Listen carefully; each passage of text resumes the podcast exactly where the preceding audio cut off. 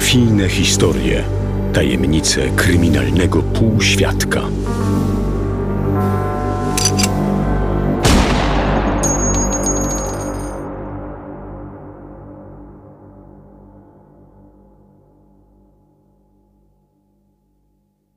Wielkimi krokami zbliżamy się do przełomowego momentu w dziejach polskiego półświadka i zakończenia złotej ery polskiej mafii. Zanim jednak do tego dojdzie, przez kryminalny światek stolicy i okolic przetoczy się burza porachunków, zamachów i brutalnego przejmowania władzy. Jako, że ten ostatni rok złotej dekady polskiej mafii obfitował w liczne, warte opisu zdarzenia, opowieść o roku 1999 podzieliłem na dwie części. Dzisiejszy materiał poświęciłem w całości wewnętrznej wojnie Wołomina, która rozgrywała się pomiędzy młodym, agresywnym pokoleniem przestępców, a starą gwardią rządzącą gangiem od początku lat 90. W kolejnym odcinku przejdziemy zaś do wydarzeń w Zakopanem, czyli do zabójstwa słynnego Pershinga, które spowodowało, że mafijny światek w naszym kraju posypał się niczym domek z kart. Teraz jednak przeniesiemy się na prawy brzeg Wisły, do Wołomina, Anina i pozostałych miejsc, w których spragnione władzy młode wilki postanowiły przeprowadzić szybką i brutalną zmianę pokoleniową.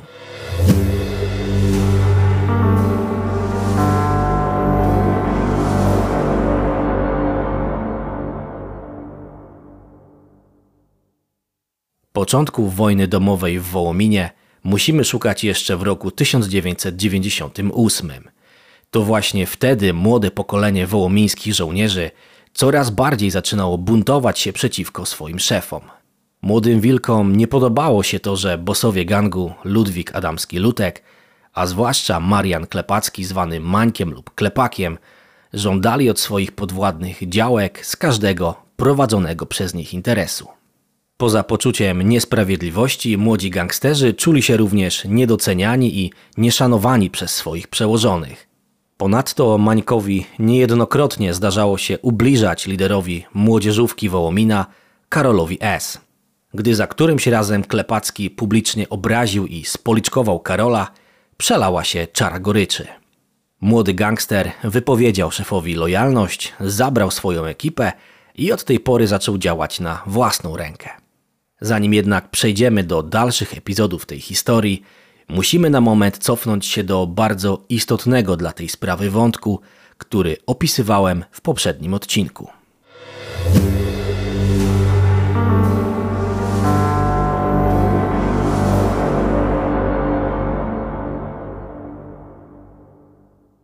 Jak pamiętacie, w styczniu 1998 roku Lutek i Klepak zlikwidowali Andrzeja G. juniora, prawą rękę Jeremiasza Barańskiego, pseudonim Baranina. Ten ostatni, jako jeden z największych przestępców w Europie, proponował wówczas, żeby szefowie Wołomina zaczęli działać pod jego banderą, ale ci nie tylko odtrącili wyciągniętą rękę, ale także pozbawili go najważniejszego rezydenta w Polsce. Przypominam o tym nie bez powodu, gdyż według wiedzy operacyjnej policji to właśnie tamte wydarzenia mogły przesądzić o dalszych losach Ludka i Klepaka. Karol i jego grupa prawdopodobnie skumali się z Baraniną i po śmierci Andrzeja G. stali się jego ludźmi do prowadzenia interesów w stolicy, jednocześnie przejmując część załogi zastrzelonego pod Mariotem Juniora.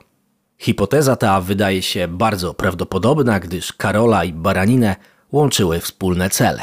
Zemsta na starych wołomińskich i chęć przejęcia ich biznesów. Ponadto Karol i spółka jako nowicjusze w przestępczym świadku bez szerokich koneksji byli zbyt słabi, by postawić się bosom, którzy od lat posiadali wpływy i rozległe kontakty. Koneksję jednak od ręki mógł załatwić Baranina, mafiozo mający układy nie tylko z największymi przestępcami, ale również ze służbami na całym świecie.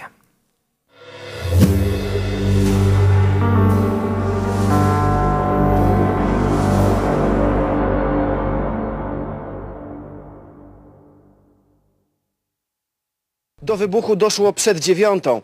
W sklepie w tym czasie było mnóstwo ludzi. Nagle usłyszeli przeraźliwy huk. Okazało się, że na parkingu eksplodował jeden z samochodów. Siła eksplozji porozrzucała części luksusowego Mercedesa w promieniu kilkuset metrów. Wybuch zniszczył kilka aut stojących tuż obok. To cud, że nikomu nic się nie stało. Właściciel samochodu odniósł jedynie lekkie obrażenia. Udało nam się dowiedzieć, że najprawdopodobniej był to zamach na Mariana K., pseudonim Klepak, kiedyś współpracownika dziada, domniemanego szefa gangu wołomińskiego.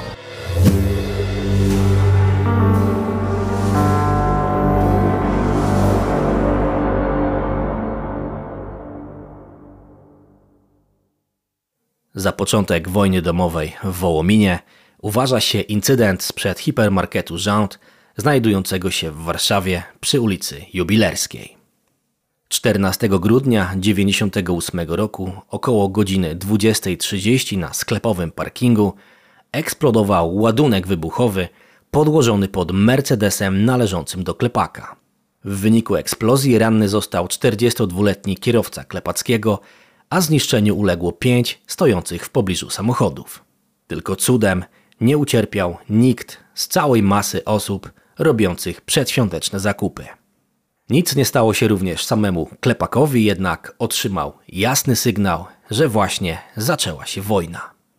Na kolejny krok Karola i załogi nie trzeba było długo czekać.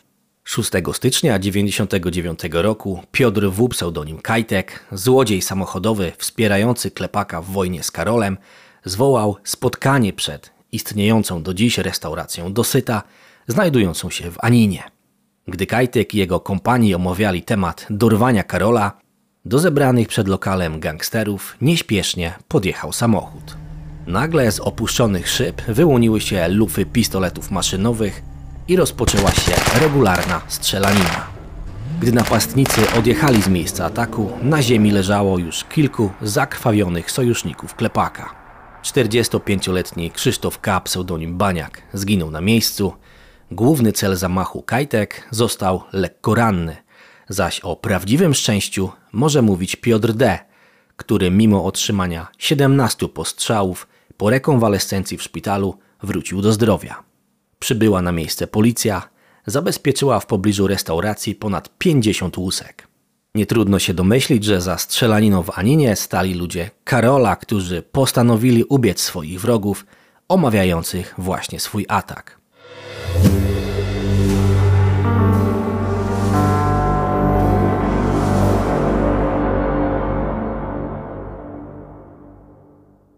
Po stosunkowo spokojnym lutym przyszedł czas na niezwykle krwawy marzec, w czasie którego zginęło co najmniej 8 osób zamieszanych w konflikt wołomiński. Najpierw 19 marca sześciu napastników z synem klepaka Jackiem na czele zaatakowało w Markach dom Leszka K. Ofiara napadu pomimo postrzału w brzuch i rękę zdołała wyrwać pistolet jednemu z gangsterów i oddać strzały w kierunku agresorów.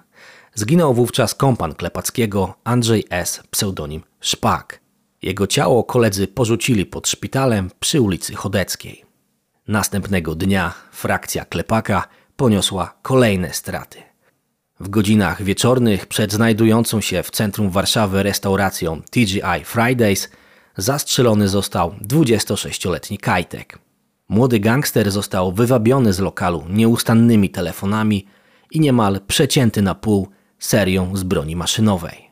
W czasie strzelaniny zginął również przypadkowy przechodzień, pięćdziesięciokilkuletni pracownik Teatru Narodowego. Mimo kilku krwawych zdarzeń, do jakich doszło w krótkim czasie, Karolowi, jak nazywano ekipę Karola S., dopiero się rozkręcali. 23 marca ktoś anonimowo poinformował policję o miejscu składowania nielegalnego alkoholu, który należeć miał do Ludka i Klepaka. Po sprawdzeniu adresu okazało się, że znajduje się tam 26 tysięcy litrów alkoholu, którego utrata oznaczała dla szefów Wołomina 2 miliony złotych straty. Trudno w tym miejscu mówić o przypadku, a raczej o kolejnej próbie osłabienia Starej Gwardii. Apogeum największego rozłamu w historii polskiej mafii nastało jeszcze tego samego miesiąca. Nadszedł wreszcie dzień, w którym młodzi buntownicy postanowili raz na zawsze obciąć głowę starego Wołomina i zaprowadzić w mieście nowe porządki. 31 marca 1999 roku Lutek, Klepak oraz ich podwładni Olgier W. Łysy, Mariusz E. Piguła i Piotr Eś Kurczak spotkali się na naradzie w lokalu Gama przy ulicy Wolskiej 38. Starszyzna gangu debatowała wówczas o definitywnym rozwiązaniu problemu Karola i jego grupy. Być może gdyby nie zlekceważyli zuchwałości buntowników, szala zwycięstwa w tym brutalnym konflikcie przechyliłaby się na ich stronę. Stało się jednak inaczej.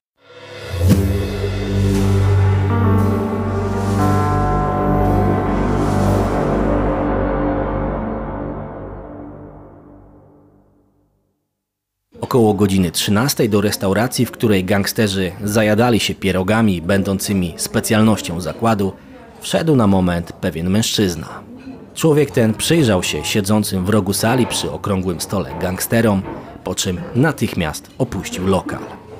Kilka chwil później do budynku wbiegło trzech zamaskowanych napastników, którzy trzymając w rękach broń maszynową, myśliwską oraz pistolet, otworzyli ogień do zaskoczonych mężczyzn. Kanonada strzałów trwała kilkadziesiąt sekund. Gdy opadł strzelniczy pył, oczom świadków ukazała się makabryczna scena. Podziurawione ciała pięciu mężczyzn spoczywały na podłodze w kałużach składających się z krwi, wody z przestrzelonych kaloryferów i resztek dań, które jeszcze przed chwilą spożywali. W czasie, gdy pierwsi świadkowie odważyli się spojrzeć na tę scenę, zamachowcy pruli już srebrnym polonezem Karo w stronę zachodniej części miasta. Jakiś czas później spalony pojazd został znaleziony w otwockim lesie.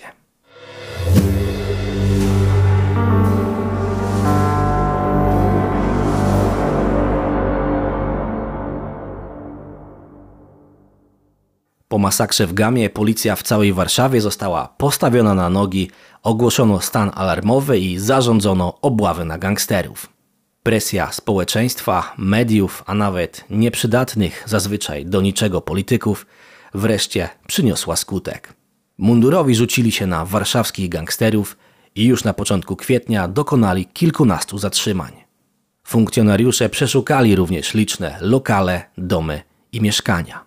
W jednym z nich przy ulicy Obozowej znaleziono kałasznikowy, pistolety Uzi, CZ, sztucer myśliwski oraz 2,5 kg semteksu. W kolejnych mieszkaniach, w specjalnych skrytkach pod podłogą odkryto pistolety Smith Wesson, Walter, Uzi, Skorpion oraz dziesiątki tysięcy sztuk amunicji, celowniki, tłumiki i kabury.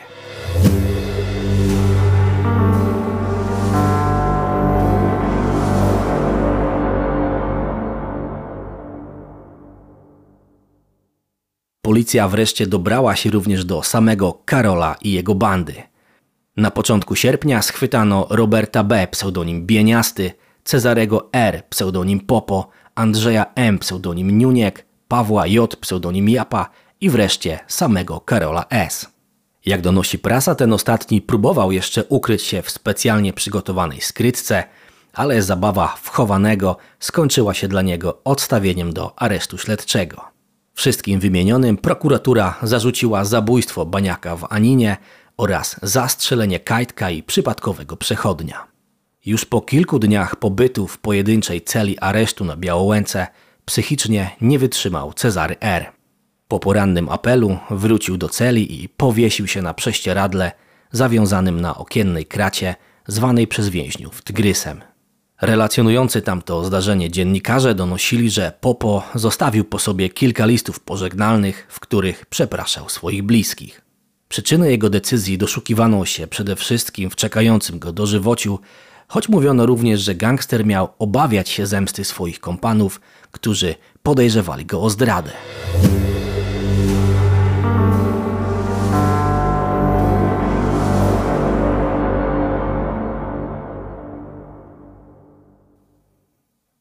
Bieniasty, Niuniek i Karol za zabójstwo Baniaka, Kajtka oraz przypadkowej osoby zostali skazani na wyroki dożywotniego pozbawienia wolności. Japa, który przyznał się do winy, dostał 25 lat. Na udowodnienie im przeprowadzenia masakry w barze Gama zabrakło wystarczających dowodów. To jednak nie koniec wojny domowej Wołomina.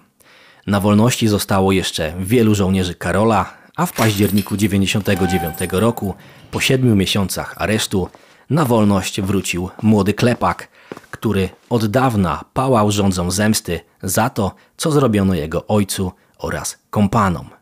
Gdy stanął po drugiej stronie więziennego muru, zebrał swoich ludzi i zaplanował gangsterską vendetę.